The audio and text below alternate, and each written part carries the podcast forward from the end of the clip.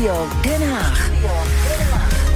Het knettert nog steeds bij de Partij voor de Dieren. Ook vandaag was het weer onrustig met een incomplete fractievergadering en een verlopen ultimatum aan het partijbestuur om op te stappen. We bespreken het allemaal met politiek verslaggever Mats Akkerman. Hey Mats. Goedemiddag. Ja, dit lijkt een soort soap met elke dag een nieuwe aflevering. Wat gebeurde er vandaag? Ja, ik zal het even proberen logisch op een rijtje te zetten allemaal. Uh, vanochtend was er de fractievergadering. Die is altijd op dinsdagochtend.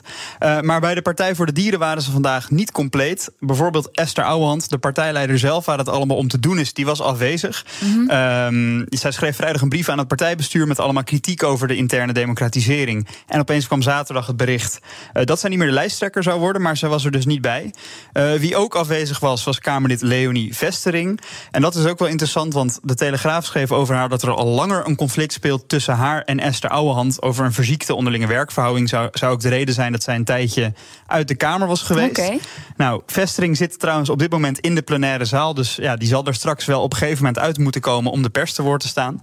Uh, er was nog Lambert van Raan, die zat bij de parlementaire enquête. Uh, dus die was er ook niet bij. Dus ze waren maar met de halve fractie. Uh, maar wie er wel was, was Christine Teunissen, de nummer twee van de partijen. Die zei: Nou ja, er is eigenlijk niks nieuws uit het overleg gekomen. Je kunt onze verklaringen online lezen zijn nog steeds hetzelfde. En haar werd gevraagd: staan jullie nou unaniem achter partijleider Esther Ouwehand? Nou, dat kunt u beter aan de andere Kamerleden vragen. Wat mij betreft sta ik in ieder geval pal achter Esther Ouwehand. En dat blijft zo. Ja, daar wil ik graag bij laten. Dank u wel. Ja, en later zat ze bij Radio 1 en toen ging het ook nog even over... wat is nou eigenlijk die integriteitsmelding waar Esther Ouwehand van wordt beschuldigd? Er is wel een melding uh, bij Esther binnengekomen, maar die was niet tegen haar. Um, dus ja, wij hebben geen melding tegen Esther Ouwehand ontvangen. Dus wij, kunnen ook, wij weten niet waar het over gaat. Ja, en Christine Teunissen heeft zich bij de critici gevoegd. Want zij heeft gezegd: zolang uh, ja, het huidige partijbestuur er nog zit, wil ik niet op de kandidatenlijst. Okay. Um, dan nog een opvallende die er ook was: Nico Kofferman, de voorzitter van de Partij voor de Dieren in de Eerste Kamer. Ook een van de oprichters van de partij. Ja, die zei: het is er eigenlijk helemaal niet over gegaan bij de fractievergadering. De uitkomst vandaag was gewoon een regulier fractieoverleg. Wat we elke week hebben. Gewoon over de, de moties en de stemmingen. Die maar er is helemaal niet over de kwestie nee. Ouwehand gesproken? Nee. Nee, ja, bijzonder verhaal. En ja. er was ook kritiek van de oude hand op de partijoprichters. Hè, dat die zich nog steeds te veel zouden bemoeien met de partij. Nou, hij is een van de oprichters. Uh, daar zei hij nog dit over. Ik ben niet betrokken in dit conflict. Dus ik had graag gewild dat mensen die zeggen... ja, de oprichters hebben er wat mee te maken... dat die even man en paard genoemd hadden. Dat hebben ze niet gedaan. Dat is jammer. Ja, dus we zijn eigenlijk nog niet zo heel veel wijzer na vandaag. Nee, maar er was vandaag ook een ultimatum. Want het partijbestuur zou voor 12 uur vanmiddag moeten opstappen. En wat is er, ja, dat, dat is niet gelukt. Wat is ermee nee. gebeurd? Ja, nee, heel veel partijleden hadden dat ondertekend. Heel veel lokale en regionale afdelingen. Maar de deadline was 12 uur vanmiddag. En we hebben tot nu toe nog niks van het partijbestuur gehoord. Uh, er werd even gezegd dat ze vandaag wel weer zouden reageren. Maar ik hoorde ook later weer dat ze vandaag misschien niet meer gaan reageren. Oftewel, we weten het nog niet. En ook bij ons is Xenia Minnaert, voorzitter van PINK, de jongerenorganisatie van de Partij voor de Dieren. Welkom. Ja, dankjewel. Goedemiddag. Goedemiddag. Ja, het volledige bestuur van PINK, dus jullie jongerenorganisatie, heeft de brandbrief aan het partijbestuur ondertekend. Wat is nou de grootste kritiek op de, ja, de moederpartij? Nou ja, we hebben um, met het besluit van het bestuur om, om de media op te zoeken, uh, in campagnetijd nog wel, um, besloten dat ja, we zien gewoon dat, dat zij nu niet in staat zijn om de partij op een professionele manier naar rustiger vaarwater te brengen. En, en dat is voor ons wel de reden om nu deze brandbrief te hebben ondertekend. En herkennen jullie dan ook wat uh, Ouwehand eerder schetste, namelijk de partij moet professioneler worden en democratischer? Ja, ja, we herkennen ons wel gedeeltelijk in die kritiek. Um, wij, hebben natuurlijk, wij werken vooral samen met het, met het partijbestuur. Uh, maar wat we daarin heel erg merken is, wij, wij, zijn als Pink natuurlijk ook bezig met een ontwikkeling van de organisatie en wij groeien ook. Um, en, en dan hebben wij soms ook leuke ideeën voor, hey, misschien kunnen jullie dit doen om mm -hmm. de partij wat democratischer te maken, transparanter. Uh, maar dan wordt er vaak eigenlijk niet iets mee gedaan en dan krijgen we ook geen terugkoppeling van, van wat ze van het idee vonden en waarom ze er uh, niks mee gedaan hebben. Er wordt helemaal niet gereageerd. Dus, nou, er wordt dan bijvoorbeeld gereageerd met, gaan we naar kijken. Um, Dus soms doen ze er wel wat mee, maar vaak, vaak is er weinig tot geen reactie op. En ook geen, er, er is niet echt enthousiasme om, om die dingen op te pakken. Um, ja, we, zien, we zien gewoon dat de partij groeit heel erg, maar de organisatie groeit niet mee. Jullie, en, um, jullie dat, willen dat, dat het uh, partijbestuur nu opstapt. Maar los je daarmee de problemen eigenlijk wel op? Nou, dat is wel echt nu uh, de eerste stap die, die gezet moet worden, inderdaad. En dan kunnen we daarna kunnen we gaan kijken met een tijdelijk bestuur wat er nodig is om de partijen democratischer en professioneler te maken. Um, maar maar dat, ja, dat het bestuur opstapt, dat is nu echt wel echt noodzakelijk. En er is kritiek op de partijoprichters. Dat de oprichters zich nu nog steeds te veel met de partij bemoeien. Wat moet ik me daar dan bij voorstellen? Dat is voor mij ook lastig te zeggen, omdat ik, ik weet niet wat er, wat er gebeurt. Um, wij kunnen niet zien wat er wordt besproken bij, bij bestuursvergaderingen. Um, dus dat is in die zin een beetje lastig om te zeggen. Mm. Uh, maar wat we wel zien is dat het bestuur gewoon heel erg weinig bezig is geweest de afgelopen jaren met professionalisering en democratisering. En, en dat, um, dat er keuzes worden gemaakt um, die, ja, waar eigenlijk de meningen over verschillen van, van of dat ja. nou goed is voor de partij. Maar en, en wel waarschijnlijk ik lees dan ook dat uh, bij de Partij voor de Dieren, en zeker bij de oprichters, dat er nog heel veel onderlinge relaties zijn. Bijvoorbeeld een fractiemedewerker of een fractielid dat getrouwd is met een van de oprichters. Ja, dat helpt ook niet, kan ik me voorstellen. Um, ja, het is wel een bijzondere constructie, inderdaad. Ja, en... Dat klopt. Ja, ik denk voor ons ligt de focus nu echt op het bestuur en dat die opstapt. Maar heeft het daar niet mee te maken ook?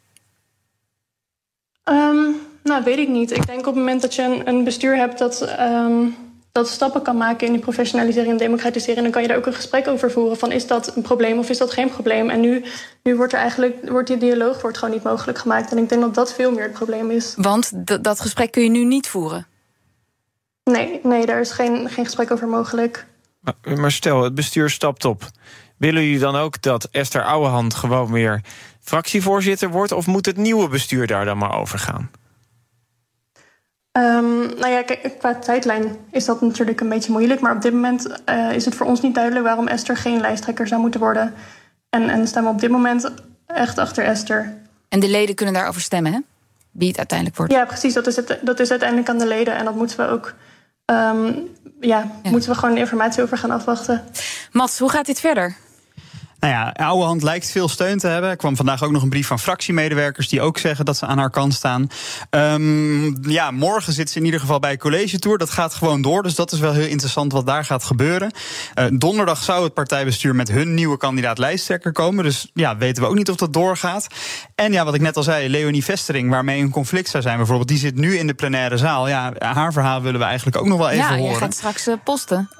Precies, maar allround kunnen we wel zeggen... er lijkt hele brede steun voor Ouwehand... en heel weinig uh, steun voor het partijbestuur... van wat wij tot nu toe allemaal zien... en wat je ja, binnenkrijgt vanuit al die lokale en regionale afdelingen. En dan gebeurde er nog meer vandaag in Den Haag. Uh, dankjewel Xenia Minnaert voor nu, voorzitter van PINK... de jongere organisatie van de Partij voor de Dieren. Uh, Mats, wij moeten het even hebben over Pieter Omtzigt en zijn partij... want Pieter Omtzigt had een nieuwe woordvoerder...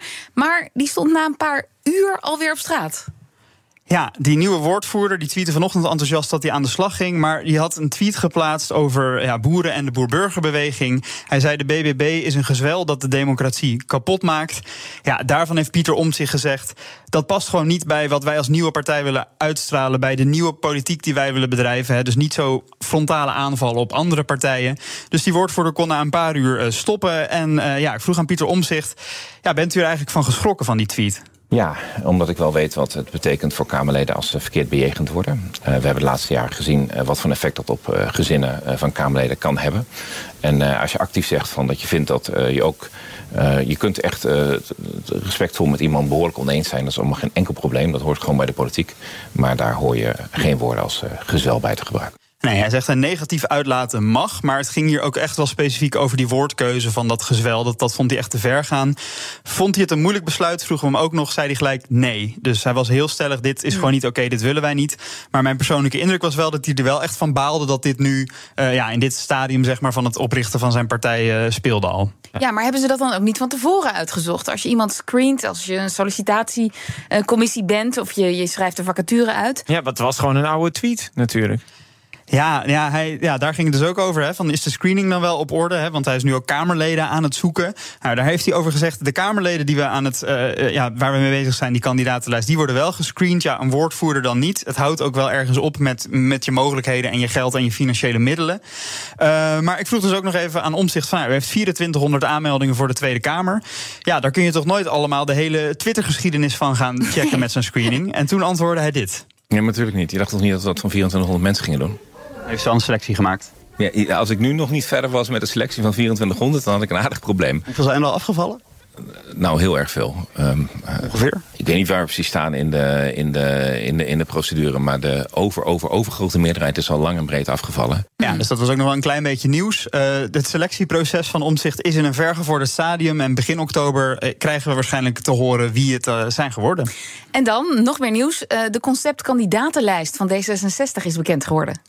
Ja, er was alweer wat van gelekt, uh, natuurlijk. En uh, dat leek ook allemaal wel weer te kloppen. Um, ja, wat toch wel opvalt is veel nieuwe namen. Drie nieuwe namen in de top 10, zes nie of negen nieuwe namen in de top 20 zelfs. Uh, Jan Paternotte, de huidige fractievoorzitter, bijvoorbeeld op twee. Achter lijsttrekker Rob Jette, uh, staatssecretaris Hans Veilbrief op vijf. Uh, en nog een vijf Kamerleden in totaal in de top 10. Maar verder viel mij toch echt wel op veel nieuwe namen. Bijvoorbeeld columnist Jessim Chandan op 11. Maar ook wel pijnlijk veel huidige Kamerleden die laag op de lijst zijn gekomen. Um, het is ja, te groot, hè? Bijvoorbeeld op 12, ja, Wieke Paulusma op 14. En nog een paar, bijvoorbeeld Lisa van Ginneke op 21. Alexander Hammelburg op 22. Uh, ja, als je kijkt naar de peilingen. In goede peilingen haalt D66 nu 10 zetels. Hmm. Dus ja, voor die Kamerleden moet dat toch echt wel een koude kermis zijn geweest. Dat ze zo laag op de lijst zijn gekomen. En er zijn zelfs Kamerleden die door wilden. En helemaal niet op de lijst zijn gekomen. Maar ze gooien ervarenheid er dus uit, uh, Mats. Ja, ze kiezen dus echt voor vernieuwing boven ervaring. Nou, in de top 10 zit, zitten wel zeven mensen met ervaring. Dus dan zou je kunnen zeggen, als ze inderdaad die 10 zetels halen, dan gaat er wel wat ervaring door. Maar ik vind het toch wel opvallend veel nieuwkomers in de top 20. En eh, ja, ook dat de sommige, bijvoorbeeld een Hindekker Abdulaziz, die wilde door, staat helemaal niet meer op de lijst. Die gaat nu hmm. proberen om alsnog op die lijst te komen. Uh, ja, dat nou, is wel heel opvallend. Ja. ja, scherpe keuzes. Eén heel belangrijk ding moet ik er kort nog bij zeggen. Bij D66 kan de lijst heel veel veranderen door hun stemprocedure. Uh, twee jaar geleden bijvoorbeeld zag je dat hun kandidaat nummer 3 zakte toen naar 9 en de nummer 8 zakte naar 13. Dus er kan echt nog wel veel verschuiven, veel meer dan bij andere partijen. Maar wel veel verschuiven naar beneden, dus als ik je goed begrijp. Dankjewel. Nou, voor elke persoon die naar beneden gaat, moet er ook weer iemand anders omhoog. Ja. Dankjewel, Mats Akkerman. Ook Harm Edens vind je in de BNR-app. Je kunt BNR Duurzaam niet alleen live luisteren in de app, maar ook terugluisteren als podcast, zoals al onze podcasts. En naast dat de BNR-app Breaking News meldt, houden we je ook op de hoogte van het laatste zakelijke nieuws. Download nu de gratis BNR-app en blijf scherp.